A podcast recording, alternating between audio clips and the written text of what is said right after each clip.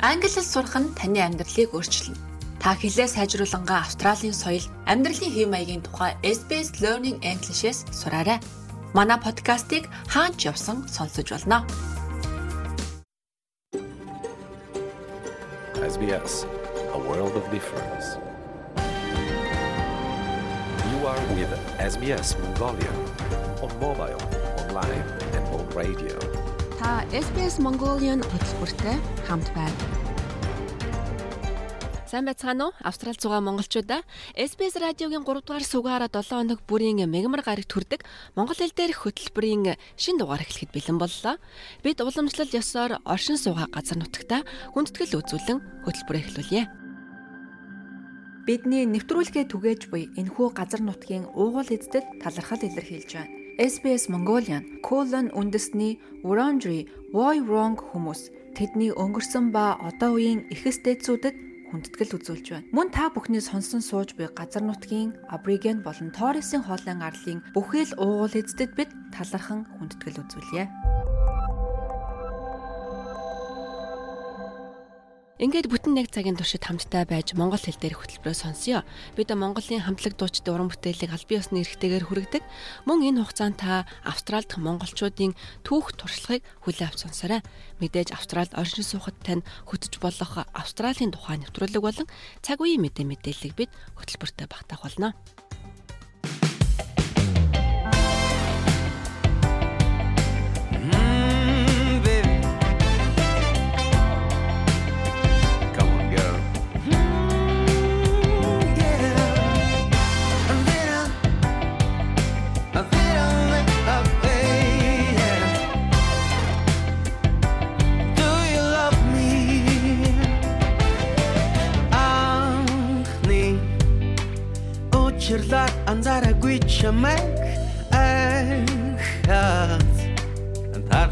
Минем сиглэл чин татсан. Санаанд би үнс саглахгүй хөрхөн төр сайн үчим ин одоо өөрийгөө би зүх.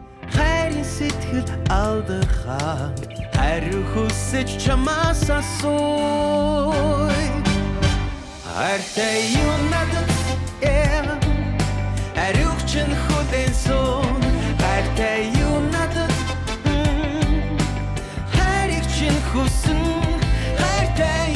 надад Санах тусам санах нэгрэм сайхан чиний сэтгэл сэлмээр байна. Хайртай юу надад Ара.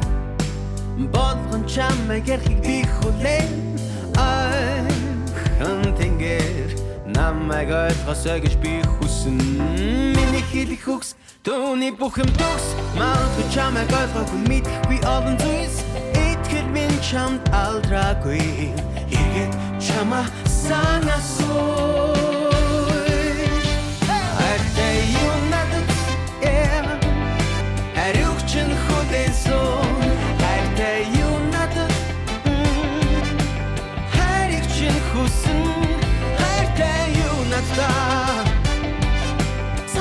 санах нэгэн сайхан чиний сэтгэл зэнээр байна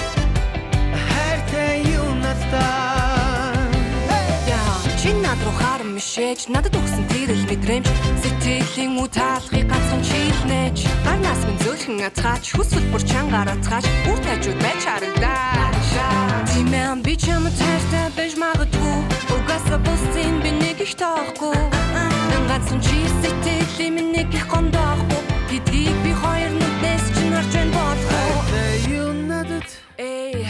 биш магадгүй. Аруг чин хүлэн сон хайртай юу надад?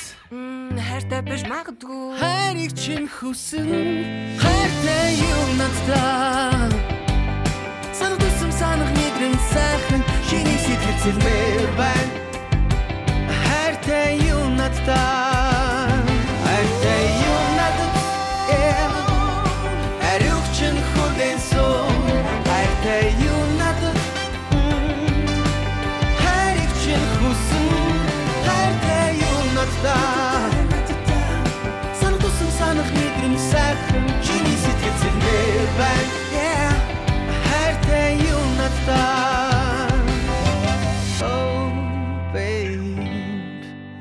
хайртай надтай Та Facebook-ээр орж манай хуудсанд лайк дарж бидэнтэй хамт байгаарай. Бид таны саналыг сонсохдоо үргэлж баяртай байх болно. SBS Mongolian Facebook хуудас.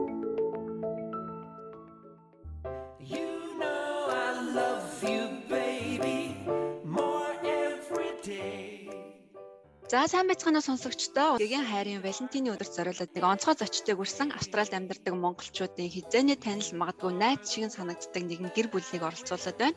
Энэ бол та бидний мэдих Vision Wings гэр бүлийн влог хийдэг хос маань оролцоод байгаамаа. Тэд өөрсдөө Бадрангуй хос гэж нэрлэдэг.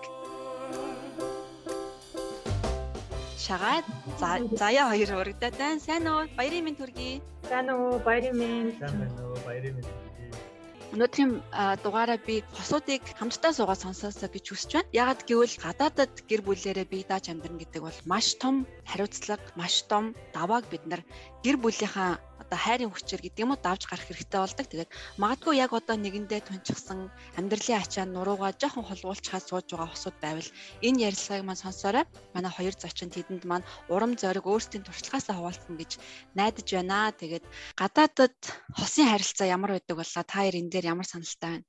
За тэгэхээр бид хоёр бол анх амьдралаа бол эхэлж яхад Солонгост амьдарч исэн. Тэгээд Солонгост бол зөвхөн гэр бүл одоо Монгол жишээлбэл хоёр хосууд нийлээд гэр бүл болоход залуу хосууд эхний үед ойлголцохгүй зүйлүүд одоо их байдаг те хоёр өөр хүмүүжил хүлээс өссөн хүмүүс хамтарч амьдрахад асуудлууд их гардаг. Тэгтэл гадаад амьдарч байгаа хүмүүсийн хувьд бол тэр асуудал дээрээс нэмэгдээд одоо таньж мэдэхгүй газар хил усын мэдэхгүй ажил төрөл соёлыг мэдэхгүй газар хөлөө болоод тэ өөрсдийгөө одоо хин нэгний тусламжгүйгээр авч явна гэд давхар давхар олон асуудлууд бас бий болдог. Тэгээ хүүхдээ өсгөх нь аа эхний хүүхдээ бол одоо аав ээж ах トゥ нар байхгүй үед одоо яаж хүүхд өсөхийг ч мэдэхгүй тий. Тэгэхээр ингээд маш олон зүйлүүдийг давхуцдаг учраас нэлээд хэцүү үеийг туулна. А тэр чинээгээрээ бид хоёрын бодлоор бол харилцаа маань илүү бат бөх болдог. Анхны тэр хэцүү үеийг давж иж одоо цаашдын үн удаан үргэлжлэх амьдралынх нь одоо үн цэсөөр нь бат бөх болдог гэж одоо бид хоёр ойлгодог. За одоо эргээд бид тэр нэлээ ингээд 10 гаруй жил хамтдаа байсан цаг хугацааг харахаар яг л тэр хэцүү цаг үеийн ачаар л бид хоёр одоо юу гэдэг би бинээ илүү сайн ойлгох юм болов гэж боддог шин. За тэгвэл гадаадд амьдрах нь биднийг илүү бат бөх харилцаатай болгодог гэж эндээс ойлгож болох нь. Бидний хувьд бол нэг хамгийн том чаленж бол гэр доторх үүргийг хуваарлах байдаг те ялангуяа за өнөөдөр ихнэр хүүхдээ аавна эхнэр одоо гэрээ цэвэрлэн энэ их ажлаа хажуугаар ахаад орой хоолоо хийх үү яах уу гэх тээ. Тэгэхээр би биэндээ харилцан туслах тэр гэр доторх эрх үүргийг та яаж хуваарилдаг вэ? А гэхдээ ер нь бол хосууд бол хоёр өөр юм шиг надад санагддаг. Яаж хэдийн наснд амьдралаа эхэлснээс жишээлбэл бид хоёрын хувьд бол залуу наснда суугаад хүүхдтэй болцгоосон учраас бит хоёр болохоор эхний үедээ болохоор санхугаа авч явахаас гадна гэр бүлийн харилцаагаа ингэж тогтнуулж одоо юу гэдгийг бит хоёр тэр тэр үедээ илүү их анхаарч одоо бат бөх болохт нь илүү анхаарад хамтдаа үзүүлсэн. А дараа нь болохоор тэр болохоор бит хоёр болохоор бүх юм хамтарч идэг гэсэн байхгүй. Тэгээд тэр үедээ бит хоёр яг гэр бүлээ бат бөх болгоцсон юм шиг надад санагддаг байхгүй. За зарим хүмүүс болохоор эхлээд нөгөө нэг хүнтэй суугаас өмнө карьераа босгочхоод тэгээд дараа нь гэр бүлээ ингээд тэрэндээ анхаардаг ч юм уу тэгж явдаг хүмүүс байдаг бол битээр болохоор эхлээ гэр бүлээ бат бүх болгосныхоо дараа а битээр одоо хувийн бизнес юм уу карьертэй ингэж одоо нэг нэг нэгээ дэмжих маягаар ингэ явж байгаа хгүй. За одоо чиний ээлж одоо би ингэн а би энэний зэрэгцээ ийм юм ажиллуулна гэхээр заавал зайлшгүй одоо бүх юмыг балансыг барихад бол маш хэцүү учраас заримдаа одоо юу гэдгийг манай нөхөр одоо жишээлбэл компанитай компани хувийн одоо төмрийн компани ингээд нэг явж байхад жишээлбэл одоо сүүлийн нэг жил бол ерөнхийдөө нэг нөгөө хэлэхэд бол би бол баг сингл мам шиг л явж байгаа байхгүй. Гэхдээ бид хоёр энд энэ дээр тэглээгээд одоо ямар нэгэн асуудал үүсэх нь баг. Яг гэвэл бид хоёр эхний нэг үедээ гэр бүлийнхаа бат харилцаанд анхаарсан учраас одоо энэ маань тэгж байгаа шүү дээ. Энэ маань ядарч байгаа шүү дээ гэдгийг би ойлгож байгаа учраас энэ дээр нь илүү одоо гомдлоод шаардлага гардггүй гэх юм уу. Яг гэвэл энэ хүн одоо анхаарсныг энэ бүх юм ингэж хариуцаж чадахгүй бүх юмд ингээ баланс амдал тэрийг нь чигээл энийг чигээд гүгээд чадахгүй учраас за миний хань одоо бас одоо ингээд нэг бизнес гэдэг бэбитэй болсон учраас тэрэндээ анхаарах хэрэгтэй гэдэг ч юм уу тэр үед нь надад одоо туслахгүй байх нь it's okay. Яг гэвэл үнэхээр завгүй энийгээ сайн хийх хэрэгтэй гэдгийг ойлгодог болох хэмжээний битээр харилцаа бат бөх болсон байхгүй А яг уу эхнээсээ ч гэр бүлийнхаа харилцаагч бат бөх болгоогүй хажуугаар нь бизнесээ чигээд ингээд нөхөр нь ингээд гэртээ анхаарал тавихгүй байгаа энэ хүмүүс бол их асуудал үүсэж байгаа санагдаад байгаа. Миний нэг юм байна. Тийм яг хоо эхний одоо бид хоёр бол нэг жил биш баг магадгүй 4 5 жил нь те солонгост байсан тэр цаг хугацаа бол бид хоёр хошноор бол бид хоёр цэргийн ял паала гэж ярьдаг. Ягаад тэгэхээр одоо янз бүрийн асуудлуудаа тулгарч исэн.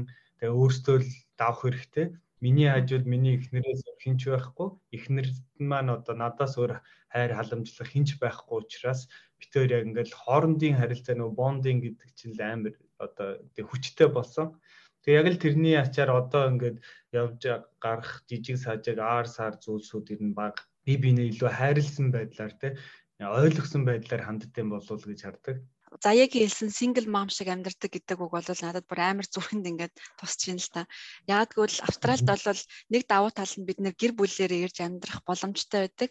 Тэгвэл нэг тал сул тал нь гэвэл dependent visa-тай хүмүүс бол бас сурах боломж бага ажил хийх цаг хязгаартай болох тэр яг л ар гэрээ авч үлддэг те. Тэгэхээр тэр нь өвчлээ ээжүүд хүүхдээ хараад гэртээ үлддэг нь тэдний хувь сэтгэл зүйн маш их одоо уналтанд ордог нэг тийм үе байдаг юм шиг надад санагдаад байдаг байхгүй эмэгтэй хүнийхээ хувьд за яа чи энэ үеийг яаж тавдаг вэ? Одоо яг үнийг хэлэхэд бол би яг тэр үе дээр явж байна. А гэхдээ энэ хэсэг бол би болгоно бүтээн гэж ингээд явдаг байсан. А заримдаа бас жоохон бухимдан л та би чамааг ингэж дэмжиж чинь би аргаар ингэж авч явж гин яг үндэ бол бүх хэрэлдэггүй гэр гэж бол гэр бүл гэж байхгүй тэр бол надад амар юм шиг санагддаг. А тэгээд тэр үед би нөхөртөө шууд илэрхийлдэг. За би ингэж ингэж чамааг яа би хүүхдийн ийм юмд анхаарч чинь чиний эрүүл мэнд би ингээ бүх юмыг үзэж чинь чи зөвхөн ажиллаа хийж чинь а гэхдээ намайг хэн хэм дэмжих юм бэ? Хэн намайг урмын өгөр тийм учраас чи ядаж надад урмын үг маш сайн хэлж байгаараа гэж би шууд юу хүсэж байгааг хэлдэг яагаад гэвэл мама нөхөр одоо зөвхөн нэг юмд анхаараараа гэчдэг. Дээрээс нь хоёрдугаарт эрэгтэй хүн чинь бас бидний бодлыг бас уншихгүй. Нэгдүгээр балтыг харагч биш л юм чинь заавал хэлэхгүй бол энэ маань бас ойлгохгүй. Тийм учраас би шууд хилдэг, заримдаа ууралж хилдэг, заримдаа уйлж хилдэг. Тэгээд янз янзаар л хэлж үзнэ. А гэхдээ бол ямар нэгэн байдлаар хүний үнэт зүйл рүү найлуулах дайхгүй байхыг л хичээнэ. Үдээтэй л жилээ дээ. Үзэлцэн үзэлцэн тэр чинь амьдралын нэг хэсэг юм шүү. би таарын влогийг хараад ингээ яриаг сонсоод тахад маш өөдрөг. Тэгээд хоорондоо их цаа ойлголцдог, ярилцдаг бол таарын гэр бүлийн гол жор юм болов уу гэж хараад байгаа юм бол та. Тэгээд энэ ярилцах гэдэг зуршлыг гэдэг юм уу? Тогтоохын тулд бид нар яах ёстой вэ? Ер нь бол хүмүүс ингээд тий заяаны хантайгаа учирч амьдрал сайхан болдог, бүх юм нь хоорондоо ивэлж нийлээд явцдаг юм шиг юм төсөөлдөг. Тэгээ бид тээр юу гэж ойлгодгоо гэхээр заяаны хань гэж цаанаас одоо 7 тэрбум хүнд надтай таарах ганцхан хүн ч юм уу заяац юм ерөөсөй байдаггүй. Яг уулзсан учирсан тэр хүнийгээ заяаны ханаа гэж бодоод хоёр талаасаа одоо юу гэдэг хүчин чармалт гарах хэрэгтэй. Энэ хүү харилцаагаа авч үлдэхийн тулд суралцах хэрэгтэй. За тэгээд ирчүүдийн хувьд бол мэдээж мэдрэмж эмгтэй хүмүүсээс бага байдаг учраас эхнэрээрээ уурлуулах, эхнэрээ гомдоох үе зөндөө гарна. Яг сая манай хүний хэлдгээр наад ойлж нэг хэлнэ, инээж нэг хэлнэ, загинж нэг хэлнэ гол нь тэр болгонд яах вэ гэхлээр угаасаа энэ миний заяаны байна. Би энэ хүнтэй насыг барна гэд хоёр дахь сонголтгүйгээр хандсан хүмүүс бол хоорондоо ярилцаад эхэлдэг болов. Ягаад тэгэхээр би энэ хүнээс өөр хүн рүү очихгүй надад илүү дээр хинч олдохгүй энэ хүн надаас илүү хүн олдохгүй би биендээ энийг ойлгоцсон үед бол яаж одоо харилцаагаа авч үлдэх үү гэдэг л ганцхан бодол үлдэхээс биш би энээс салчвал яах вэ гэх мэд одоо гэдэг хоёр дахь бодол байхгүй болчвол ярилцахаас өөр аргагүй байдалд орно. Тэгэхээр битээр бол одоо нэг насыг хамтдаа өнгөрөөнө гэдэг амлалтаа бол маш эрт хийцэн учраас яг л яаж эвлэрэх? Дандаа л асуудлыг яаж шийдэх үү гэхээс биш энэ асуудлаас яаж зогтох вэ? Инээс салчуул яах вэ ч юм уу те. Тим яриа, тим одоо муудалцсан бол битээр гаргадаг. За бид нар бол Австралид амьдарч байгаа гэдэг утгаараа Австралид гэр бүлээрээ амьдрахын сайн тал болоо сул талын тухай ярилцъя.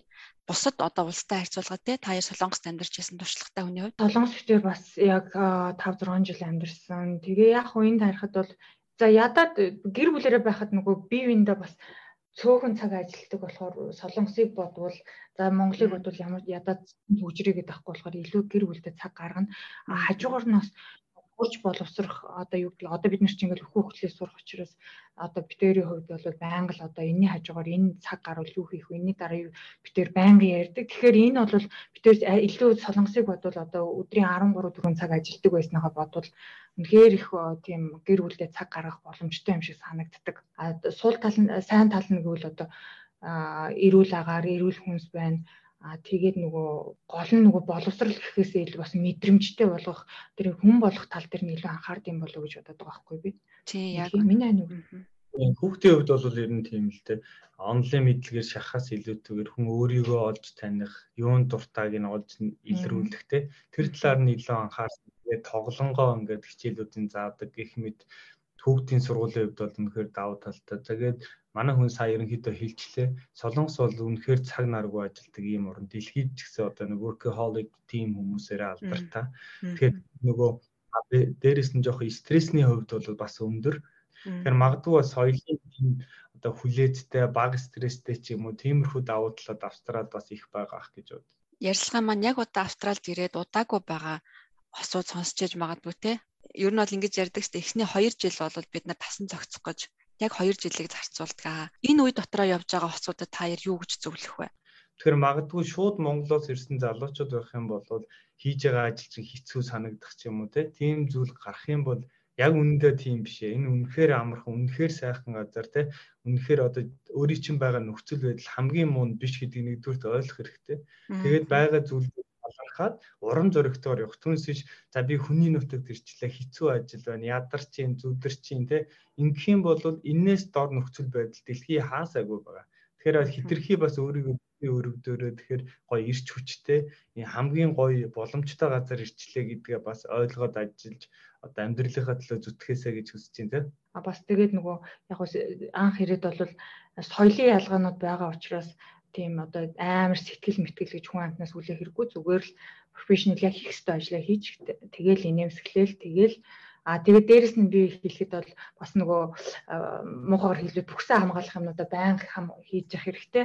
Би энийг одоо тэгсэн яг ингэсэн гэсэн нэг тийм байх ёстой шүү. Тэгээд хоорондоо хэцүү юм тулгарх юм бол ажил энэ төр дээр тулгарх юм бол би эндээсээ ярьж гараа дотроо ингээ хуваахгүй яваад ах юм бол яг анх ирээд өөр тийм ажил хийж байгаагүй шууд сургуулаа төгсөөд ирсэн хосуудад бол жоо хэцүү магадгүй.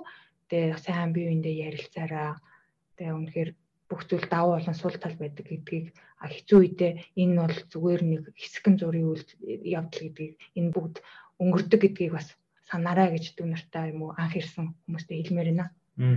Тэгээд ахад нэг юм нэмээд хэлэхэд яг Монголоос ирж байгаа хүмүүс маань баг зэрэг нөгөө эго ихтэй байдаг те нөгөө Монголд гоё ажил офисын ч юм уу хүн болго өөр өөр юм мэрэгжилтэй хүмүүсэд бид нар ч адилхан өөр өөр байцгаас нь тий. Тэгээ ирээд ихэнх одоо хүмүүс маань барилгын ажил хийдэг ч юм уу нэг гараанаас эхэлдэг. Тэгэхээр нөгөө тэр эгогоо олж чадахгүй байх үед бол бусдтай жоох эвгүй сэтгэл үлдээх ч юм уу тий. Хүн өөрт чинь туслахыг яхад оо наадах чинь мэднэ би ингэдэг тэгдэг гэх юм бол бас юм дургуутах сэтгэл бас төрдөг юм байлээ шүү. Тийм болохоор тэгээд яг нэг гараанаас эхэлж байгаа учраас аль болох тэг хүмүүсээс гоё удацсан хүмүүсээс ч юм уу зөвлөгөө аваад ингээд аль болох гаргасан алдааг нь давтахгүйгээр явахыг хичээвэл бас илүү өөрт нь хэрэгтэй болоо гэж бодож байна. Тийм шүү шагаата яг санаа нэг байна. Манай монголчууд ч бас ер нь ирсэн шинээр ирсэн хүмүүст аль болох чадх хадгаараа тусалдаг. Эргээд бас бие бинийгаа дэмжиж амьдрахыг хичээдэг. Энийг сонсоод та бүхэн бас дэрэгдээ байгаа монголчуудаа хандаараа хэцүү зүйл байвал асууж лавлаарай. Манай SBS Mongoliaч бас хэрэгтэй хүмүүст аль болох туслахыг хичээдэг. Та бүхэнд анх ирж байгаа хүмүүст ялангуяа хуулийн зөвлөгөө яаж авах уу, хүүхдээ яаж сургуульд өгөх гэх мэтчлийн мэдээллийг бид нар оруулдаг шүү. За тэгээд энэ удаагийн ярилцлага маань цаг өндөрлөж байна. Урлагийн маань хүлээж аваад маш сонирхолтой Илэн далангуу ярилцсан та хоёртай баярлалаа. Цаашдын гэр бүлийн амьдралд нь, бизнест нь, бүх зүйлд нь сайн сайхан бүхнийг хүсье өрөөё.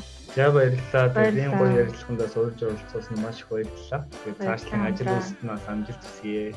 Олон хүнд бас мэдээлэл өгч тусдсан болдог шүү. Баярлалаа. За баярлалаа. Сайхан баярлалаа. За баярлалаа. Баярлалаа.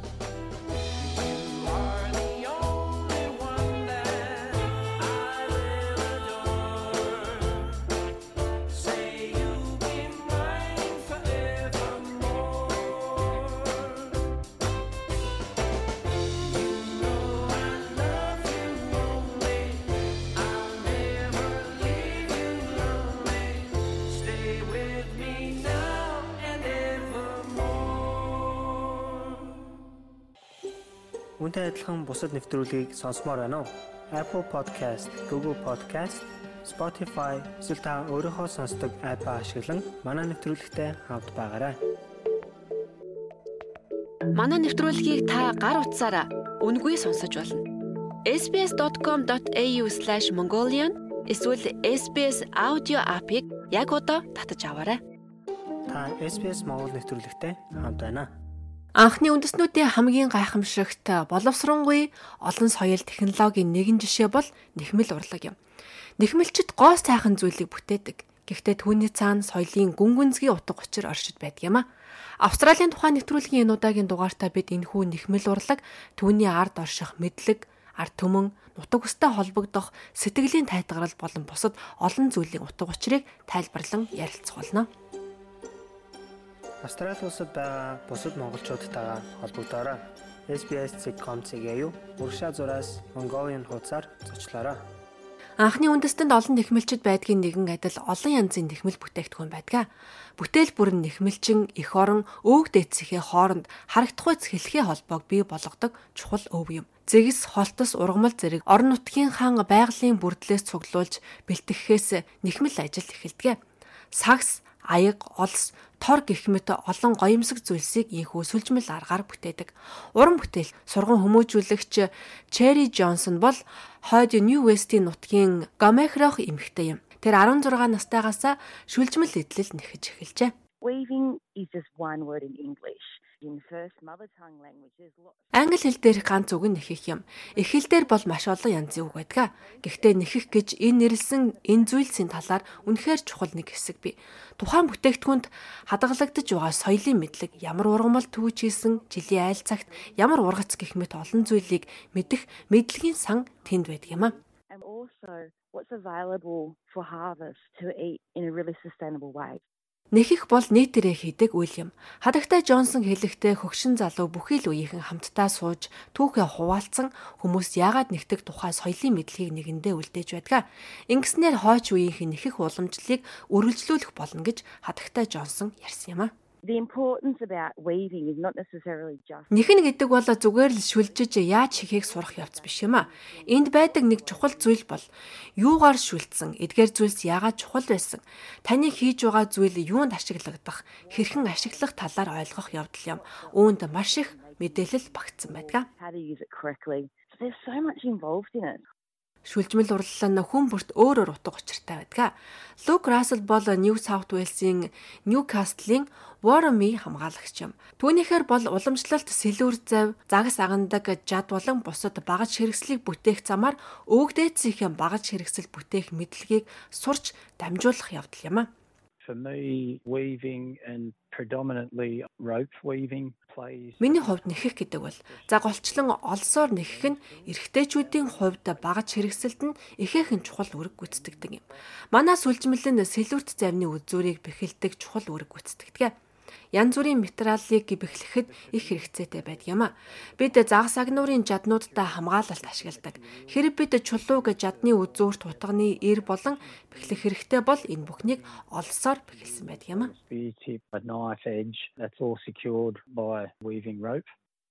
Тэгэхээр энэ бол зөвхөн бүсгүйчүүдийн үйл биш. Ирчүүд ч нэхэх ажилд оролцдог.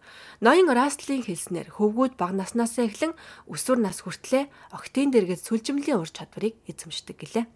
We had distinct roles, but that's not to say Бид ч бас тодорхой үүрэг хүлээдэг байсан. Тэгэхээр сүлжмэл хийх нэхэх гэдэг зөвхөн ирчүүд эсвэл эмэгтэйчүүдийн ажил биш байсан гэсэн үг юм. Тиймээс ялангуяа залуу эрэгтэй хүний хувьд эр хүн болж хөгжихийн нэгэн сургалт нь энэ буй байсан юм. Тэгээд тэр бүх ур чадварыг ирчүүд маань эмэгтэйчүүдээрээ заалгасан байдаг. Нэфи Дэнги бол хойд Квинсленд дэх Кардвилл нутгийн Грэмайчүүдийн үндэсний эзэн юм. Тэрээр урлагийн ажил хийхээс гадна гэртээ чимээгүй суугаад уран бүтээлдээ анхаарлаа төвлөрүүлэхийн тулд нэхмэл хийдэг гэлээ. I've learned from my uncle. He's taken the time to show me Би авга хахаасаа сурсан юм а. Тэр надад хойд Квинслендэд хэрэгэлдэг уламжлалт Liar Can цагсыг хийхийг зааж өгсөн юм. Тэгэхэд би яаж гаднаас цуглуулах хэрхэн илүү нарийн ширхэгтэй болгох мөн сагс нэхэх ажлыг эхлүүлэхийн тулд эдгээрийг дөрвөн өөр хэмжээтэй болгох гэх мэт олон зүйлийг түүнээс сурсан. sizes in order to start constructing the basket weaving. Нэхэх бол хөдөлгөөнд бясалгал юм. Энэ бол бодол санаагаа дүрслэн буулгах арга юм. Аливаа зүйлсийг ухамсартайгаар хийж, түүндээ өөрийн ухаан бодлоо шингээснээр жинхэнэ mindfulness бий болдгийм хэмээн Cherry Johnson ярьсан юм а. That's how our community would process things. Манай хүмүүс ямсыг ингэж л боловсруулдаг. Бид эд зүйлсийг хайраа нэгтгэж, гэр бүл шигээ гүн хүндэтгэлтэйгээр нэгтгэх юм а. Энэ нь хүмүүсийг хамттан суулгаж, утас сүлжгэд хүргэдэг. Заримдаа манай сүлжимлийн хүрээнийхэн зүгээр л цаа ууж, өөр ихч дүүсийнхэн дэргэд байх гэж ирдэг юм. Өвс, холтос зэрэг ургамал нь газар бүрт өөр өөр байдаг тул нэхэх хэв маягийн хувьд ялгаатай байдаг юм а. Гэхдээ нэхмэлчид өөр өөрсдийн ур чадвар гарын хэв маягийг бүтээлдээ авчирдаг гэж хадагтай Джонсон ярьсан юм. Мөн тэд өөрсдийн аргаар өнгийг бий болгодог гинэ. Here in Australia we collect pigment from country as Энд Австральд цэцэг, холтос, шүүс, үндэс гэх мэт бүх зүйлээс бид өнгийг цуглуулдаг.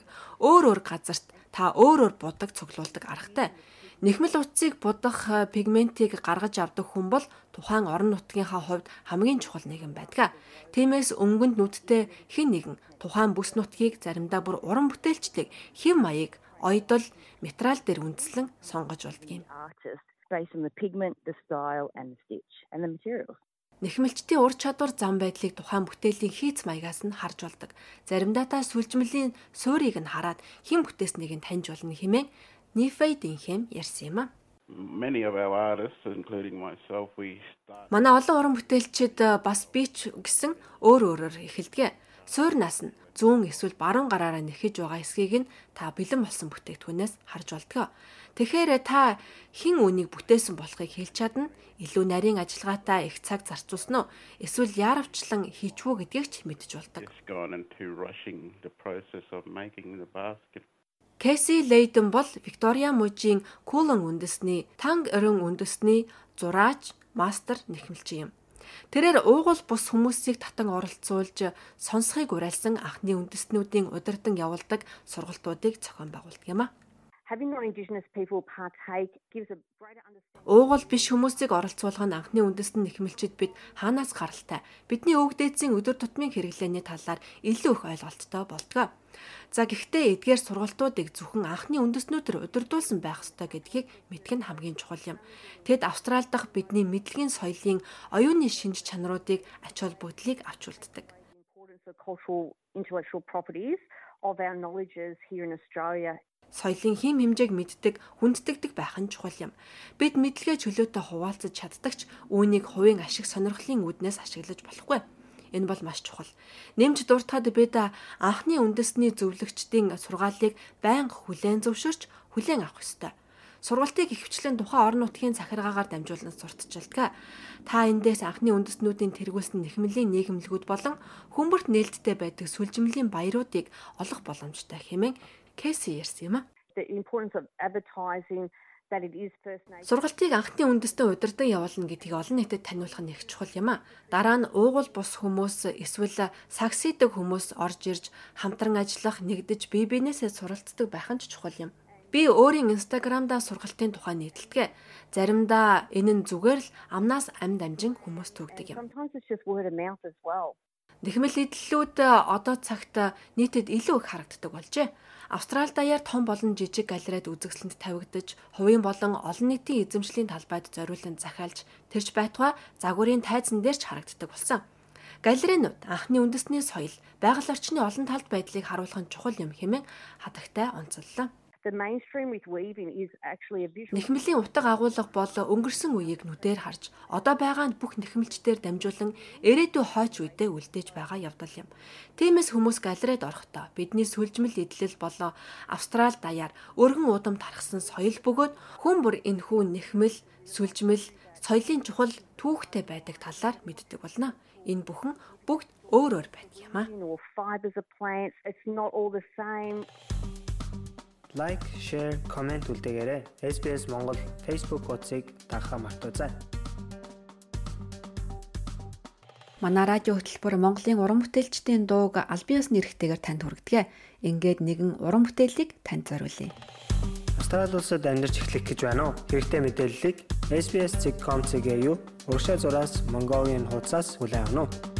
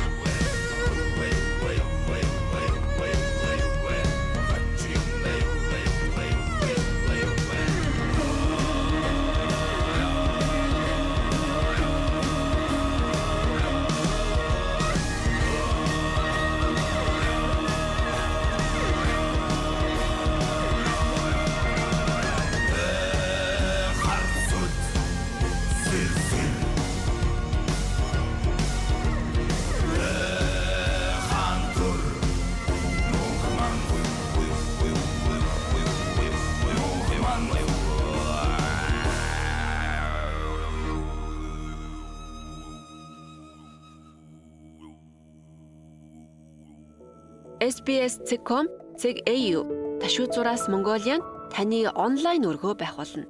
SBS.com.au/mongolian Та хамгийн сүүлийн үеийн мэдээ мэдээлэл сонин сайхныг хүлээ авч сонсоорой. SBS Mongolian Австралийн өнцөг булан борт суугаа монголчуудын түүхийг хуваалцдаг. Ингээд манай ярилцлагын болонд анхаарлаа хандуулно. Та SBS Монгол нэвтрүүлэгтэй хамт байна. Сайн байцгаана уу? SBS Mongolia-тай хамт байгаа сонсогч та бүхэндээ баярлалаа. Энэ удаад бид нар Баруун Австралийн Perth хотоос Нина агчтайгаа холбогдоод байна. Сайн уу? Оо сайн байна уу? Нина агчаагаа танилцуулахад Баруун Австралийн Куртны их сургуулийн докторант, анагаахын сэтгэл судлаач, сэтгэл засалж мэрэгчлээ. Тэгэхээр Баруун Австралда сэтгэл судлалын төвд 13 жилийн туршид ажиллаж байгаа юм хүн. Таны ажилдаг байгууллагын сайтаас би харахад таныг 3 улсын туршлагатай гэж танилцуулсан байсан. Анх Австралид хизээ ирж бай, өмнө нь одоо мэрэгчлээ хаана эзэмсэн гэх мэт. Та өөрийнхөө тухай танилцуулаач. Тийм 1989 онд 10 жилээ төгсөөд баруун зүүн Герман нийлж яхад 1990 онд Берлин хотод очиж амгаахын сэтгэл судлал гэдэг мэргэжлэр сургуульд орж байсан. Эндээ нөгөө нийгмийн өөрчлөлтөд шалтгаалаад бид нар бараг 11 жил амьдарсан. Тэгээ Монголдо бас 4 5 жил ажиллаж амьдраад тэгээд одоогоос 15 жилийн өмнө одоо Австралид амьдрахаар Саут Австралийн Адлайд гэдэг хотод виз аваад ирж исэн. Тэгэхээр эх орондоо байжгаад гадаад улс руу амьдрна гэдэг бол да hero to zero гэж нэг юм үзэгдэл болдог тий тааж бас мэдж байгаах бид нар бол бүгдээрээ л энийг туулаад гарч байгаа.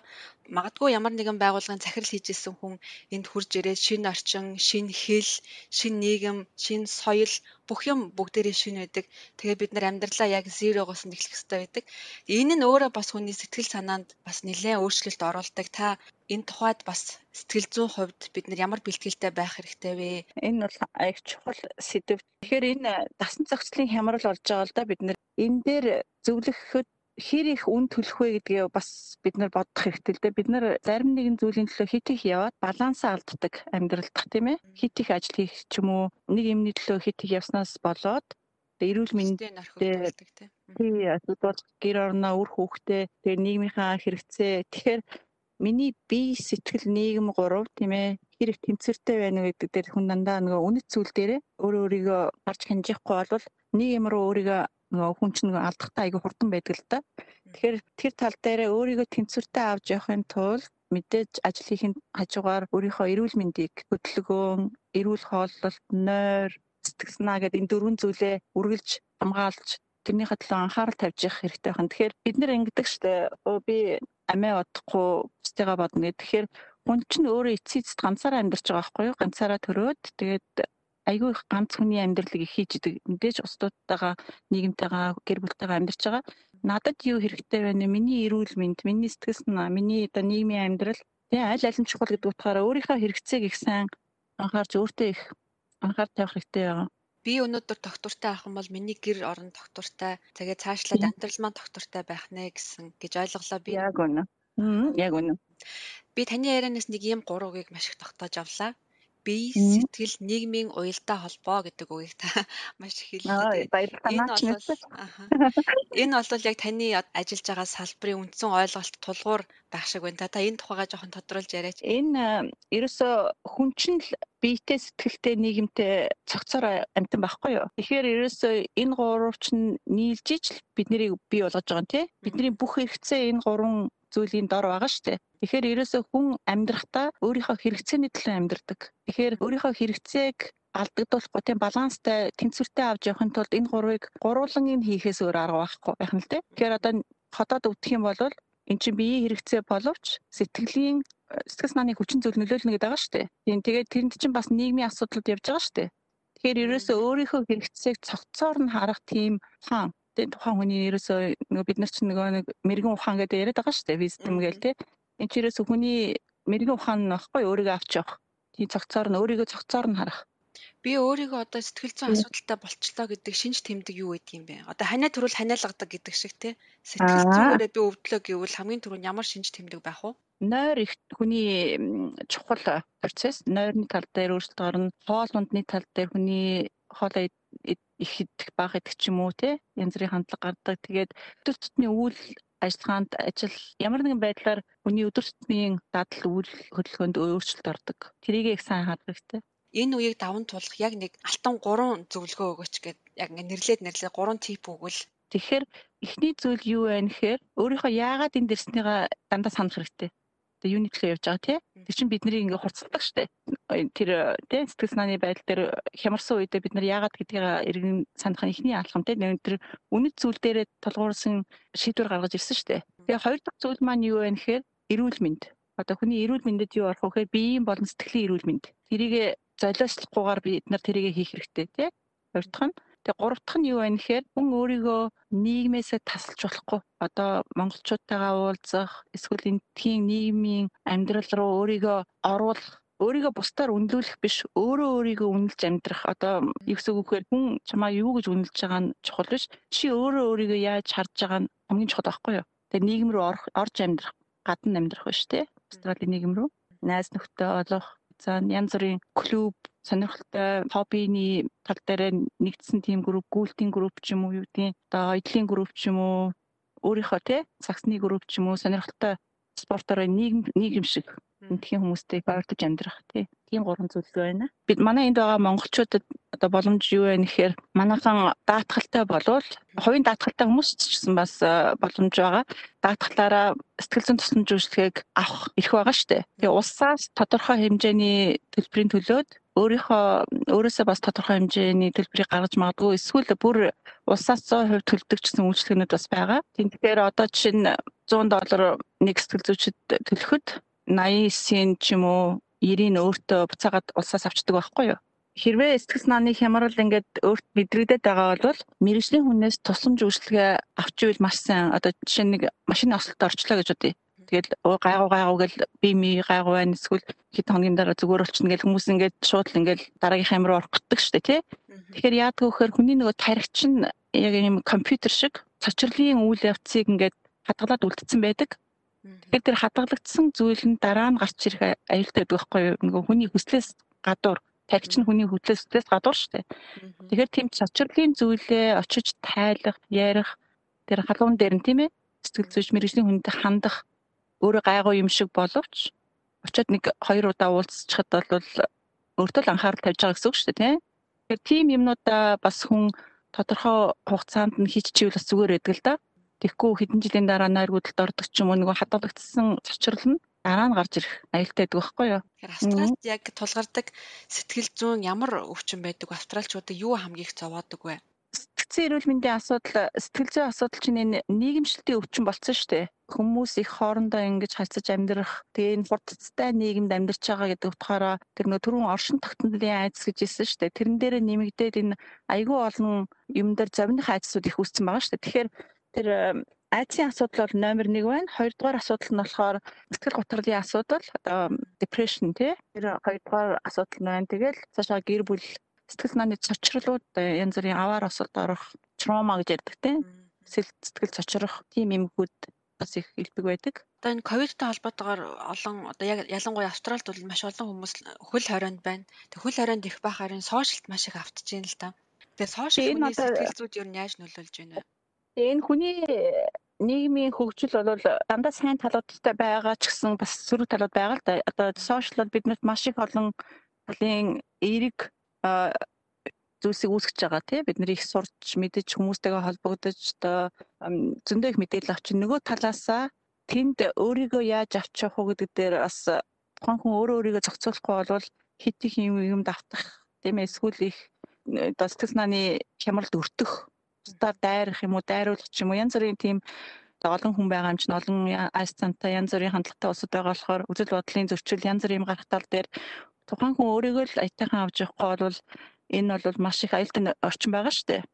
Яаж өөрийгөө баланс балансжуулж авч явах уу гэдэг дээр тухайн хүний өөрийнх нь л одоо ур чадвар сонголт байгаа юм тийм ээ. За баярлалаа. Манай ярилцлагын цаг ингээ өндөрлөж байна. Баярлалаа Нинагчаа. За баярлалаа ундраа. SPS Монгол хэлээр Бидний нэвтрүүлгийг Facebook сошиал хуудасаар бусдаа хуваалцаарай.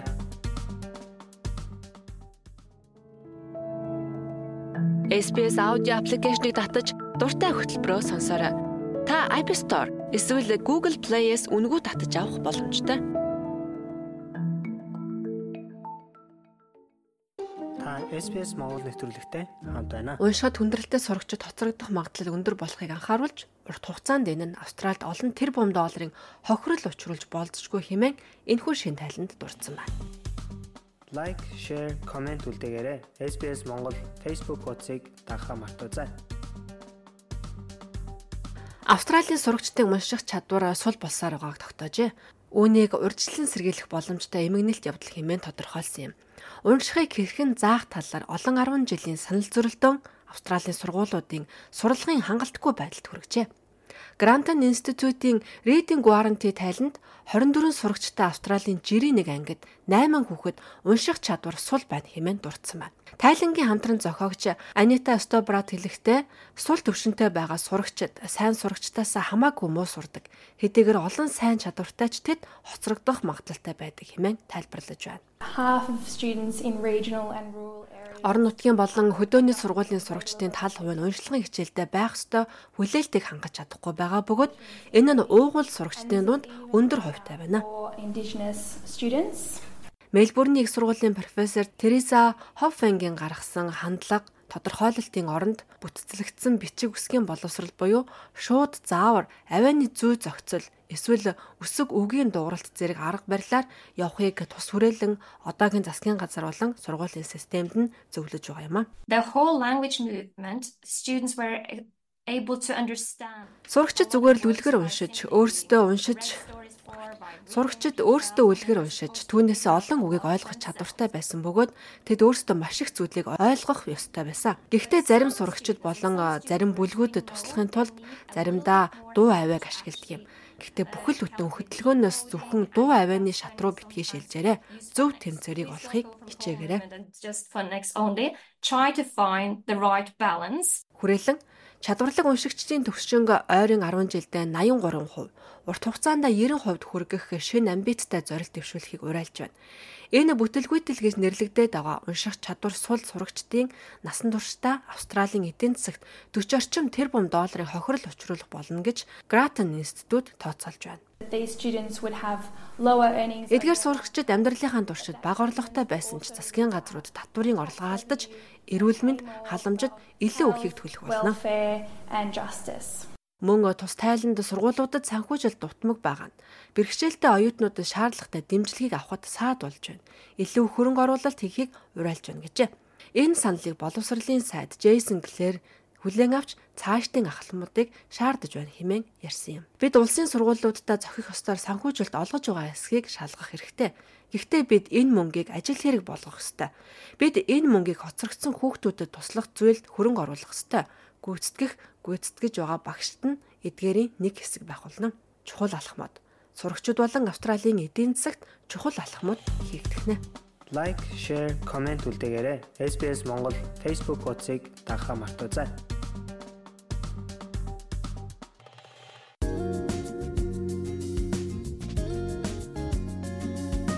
Play дарж долгионо тааруул.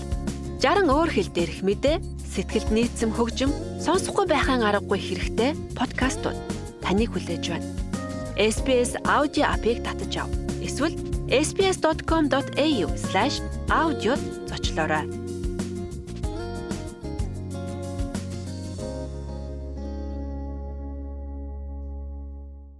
SBS Mongolia хөтөлбөртэй хамт байгаа танд баярлалаа. Та SBS Монгол нэвтрүүлэгтэй хамт байна. Та ямар ч төрлийн арьстай байсан ялгаагүй нарнаас хамгаалах нь амнасаа хамгаалахтай адил чухал юм. Австралийн нарны аюулгүй байдлын удирдамжийг шинчлэн анх удаа олон төрлийн арьсанд зориулсан зөвлөмжийг багтаажээ. Янз бүрийн эрсдэлт бүлэгт нарны туяанд өртөхийн хор хөнөөл болон ашиг тусыг хүлээн зөвшөөрч тэнцвэржүүлэхийг зорьсон байна. Витамин D, UV хангалттай хэмжээгээр авахаас эхлээд меланома үүсэх эрсдлийг бууруулах хүртэлх Австральд амьдарч байгаа бүх хүмүүст хамааралтай сурах зүйлсийг энд багтаажээ.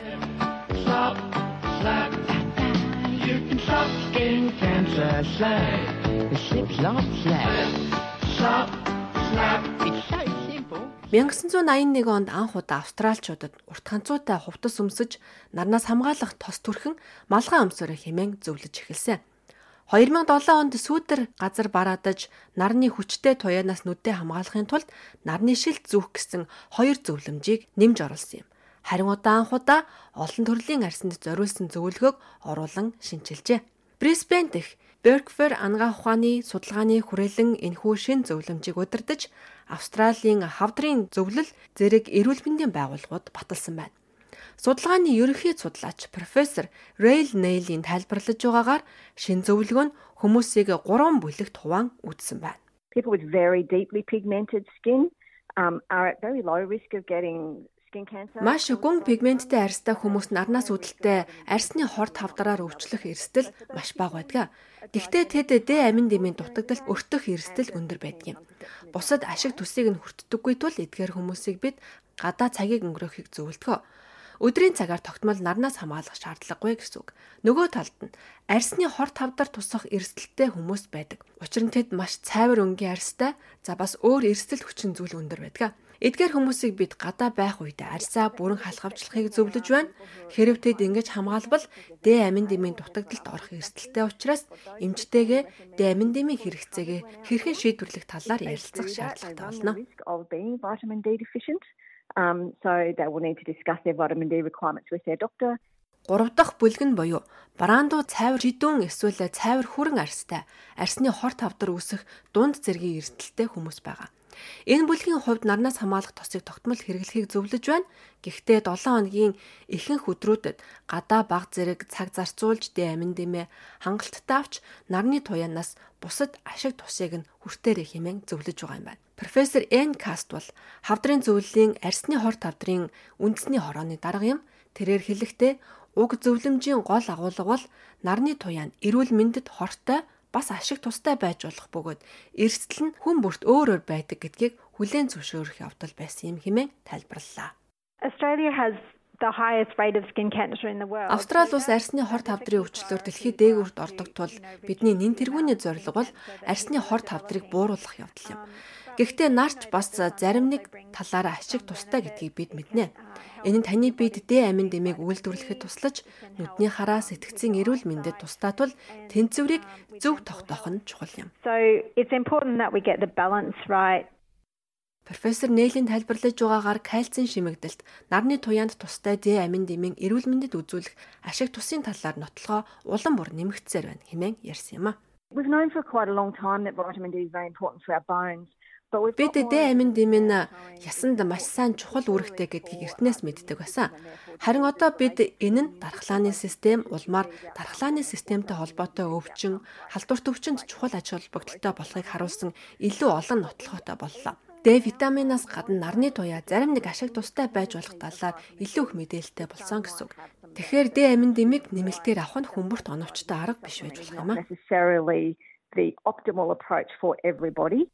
Профессор Курс хэлэхдээ шин зөвлөмж нь Д амин дэмий авахын тулд наранд хэр их цаг зарцуулах шаардлагатайг байршил, жилийн аль хугацаа, арсны төрлөөс хамааруулан илүү наривчлалтайгаар хэлж өгсөн гэлээ anecdotally you know I often hear people talk Гадаа гарч Д витамин аваарай гэж хүмүүс ярьж байхыг би олонтоо сонссон. Гэхдээ хүмүүс гадаа хэр их хугацаагаар байх хэрэгтэйгээ мэддэггүй. Мөн хавар зурны ихэнх тохиолдолд Австралид Д амин дэмийг хангалттай хэмжээгээр авахын тулд гадуур хэдэн минут л хангалттай байдаг бол Тасманд амьдардаг бол өвлийн улиралд арсныхаа төрлөөс хамааран нэлээд удаан гадаа байх шаардлагатай болно. Профессор Нейл, профессор Курс нар хоёулаа Австралийн ихэнх хүмүүст өгсөн зөвлөгөө бол хавдар судлалын зөвлөлийн Sun Smart application дээр шалгах боломжтой хит ягаан туяаны индексийг 3-аас дээш байвал нарнаас хамгаалах тос түрхээрээ хэмээн ойлгохыг зөвлөлөө. Энэ нь Австралийн ихэнх хэсэгт жилийн аль ч улиралд хэрэгжүүлж болох туршлага юм. Эмч нар 44 хуудас бүхий аль биесны зөвлөгөөг өгчээ. Эндээс тэд нарны аюулгүй байдлын талаар хамгийн сайн стратегийг өвчтөндөө өгөхөд мэдээлэлтэй болох. Мөн Австралийн хавдрын зөвлөл болон судалгааны зохиогчид бусад хэл дээр зөвлөгөө авах шаардлагатай хүмүүст зориулан олон хэл дээр их сурвалжаа бэлтгэхээр ажиллаж байна. Хэрв та ямар төрлийн арстай болохоо мэдэхгүй байгавал эсвэл нарны туяанд хэрхэн аюулгүй байх ёстойгоо мэдэхгүй бол эмчтэйгээ уулзахыг тэд зөвлөж байна. За мөн профессор Нэйл зарим хүмүүсийн хувьд наран тогтмол ил байх ёстой гэдэг зөвлөгөө бүх хүмүүст хүртээмжтэй байж чадахгүйг хүлээн зөвшөөрч байна. We completely recognize that that's not always possible. Бүх хүмүүс энэ зөвлөмжийг дагаж чадахгүйг бид бүрэн ойлгож байна. Учир нь зарим хүмүүс ажил мэргэжил, соёлын шалтгаанаар арьсаа бүрэн бүрхсэн хувцас өмсдөг байж болно. Хэрвээ тийм бол энэ хүмүүст хандаж хэлэхэд Д амин дэмийн хэрэгцээний талаар эмчтэйгээ ярилцаарай. Учир нь тэр хүмүүс арьсаа ил наранд ил гаргадгүй бол Д амин дэм авч чадахгүй байгаа гэсэн үг юм. Um, you can't make vitamin D. Нарнаас хамгаалах тосыг өдөр тутмынхаа нэгэн хэсэг болгох нэгэн залжин аргыг профессор Курст ярьсан юм а put your sunscreen bottle next to your toothbrush and when you brush your teeth put you know Нарнаас хамгаалах тосоо та шүдний оос хойдсныхаа хажуу тавиад шүдээ угаахдаа тосоо түрхээрэй. Тэгээд дахин түрхээ бүтгий мартаарай. Хүмүүс нарнаас хамгаалах тосыг хангалттай түрхэж чаддгүй. Тэд давхарлаж түрхэхээ мартдаг. Хүмүүс наранд удаан хугацаагаар байхаа мэдэхгүй эсвэл сэрүүхэн байх үед хэд ягаан туяаны цацраг баг байна гэж ойлгоод санамсаргүй байдлаар наранд түлэгдэх нь маш их байдаг. Үнэн дээр гадаа сэрүүн үйлэрхий байсан ч хортой туяа өндөр байдаг. Үнтэй ижил ихэнх австралчуудын хувьд битүү хувцслах, нарны тосоо дүрхэх, малгай өмсөх, сүүдэр газар бараадаж явах, нарны шил зүүх гэх мэт зөвлөгөөнүүд хүчинтэй хэвээр байгаа шүү. Австрали улсад байгаа бусад монголчуудтайгаа холбогдоорой. SBS.com.cg юу уршаа зураас Mongolian хуудасаар зочлоорой. Хөтөлбөртэй маань хамт байсан сонсогч та бүхэндээ баярлалаа. Энэ бол Австралийн радио сувгаар явж байгаа албан ёсны монгол хэл дээрх хөтөлбөр юм. Та манай нэвтрүүлгүүдийг э, энэ радио сувгаар сонсохоос гадна SBS Mongolian хэмээн хайхад манай вебсайт болон Facebook пэйж хуудас гарч ирнэ. Бид сонсогчдтойгоо харилцаж тэдний саналыг сонсохдоо дандаа баяртай байдаг юм шүү. Ингээд эх 7 хоногийн мягмар гарагт эргээд уулзтлаа. Түр баяртай.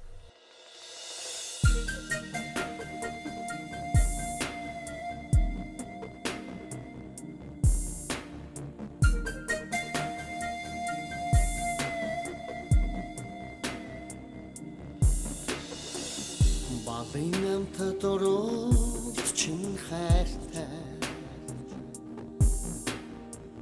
Оянгийн нэг шигт доонд чин хайртай.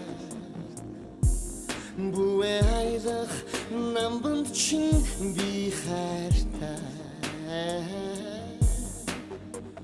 Бүсгүй цагаан заяанд чин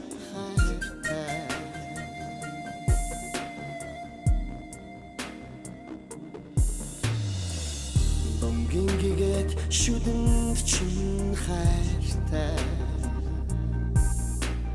Тунарсан хархан гизгэнд чин хайртай. Дурдалт халуурсан насанд чин би хайртай. Тожда түших заяат чин хайртай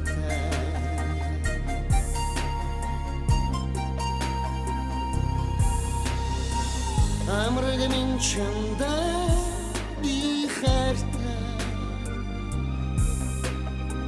Амьдрал хөгжих хайранд чин хайртай.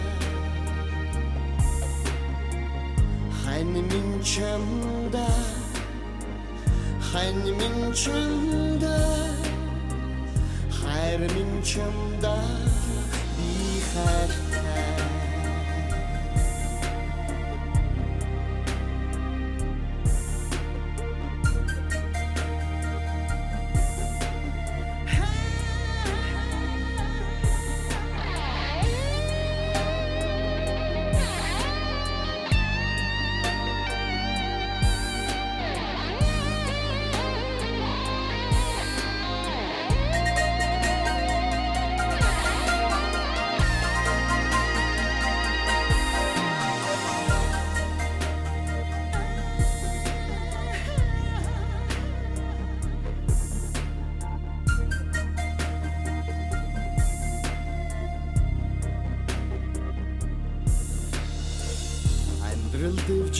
Дэвжих баясуулт чин хайртай.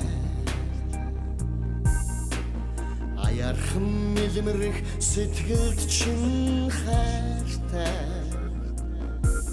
Ашла даргадах замд чин би хайртай. Алтад түших ухаанд чин хайртай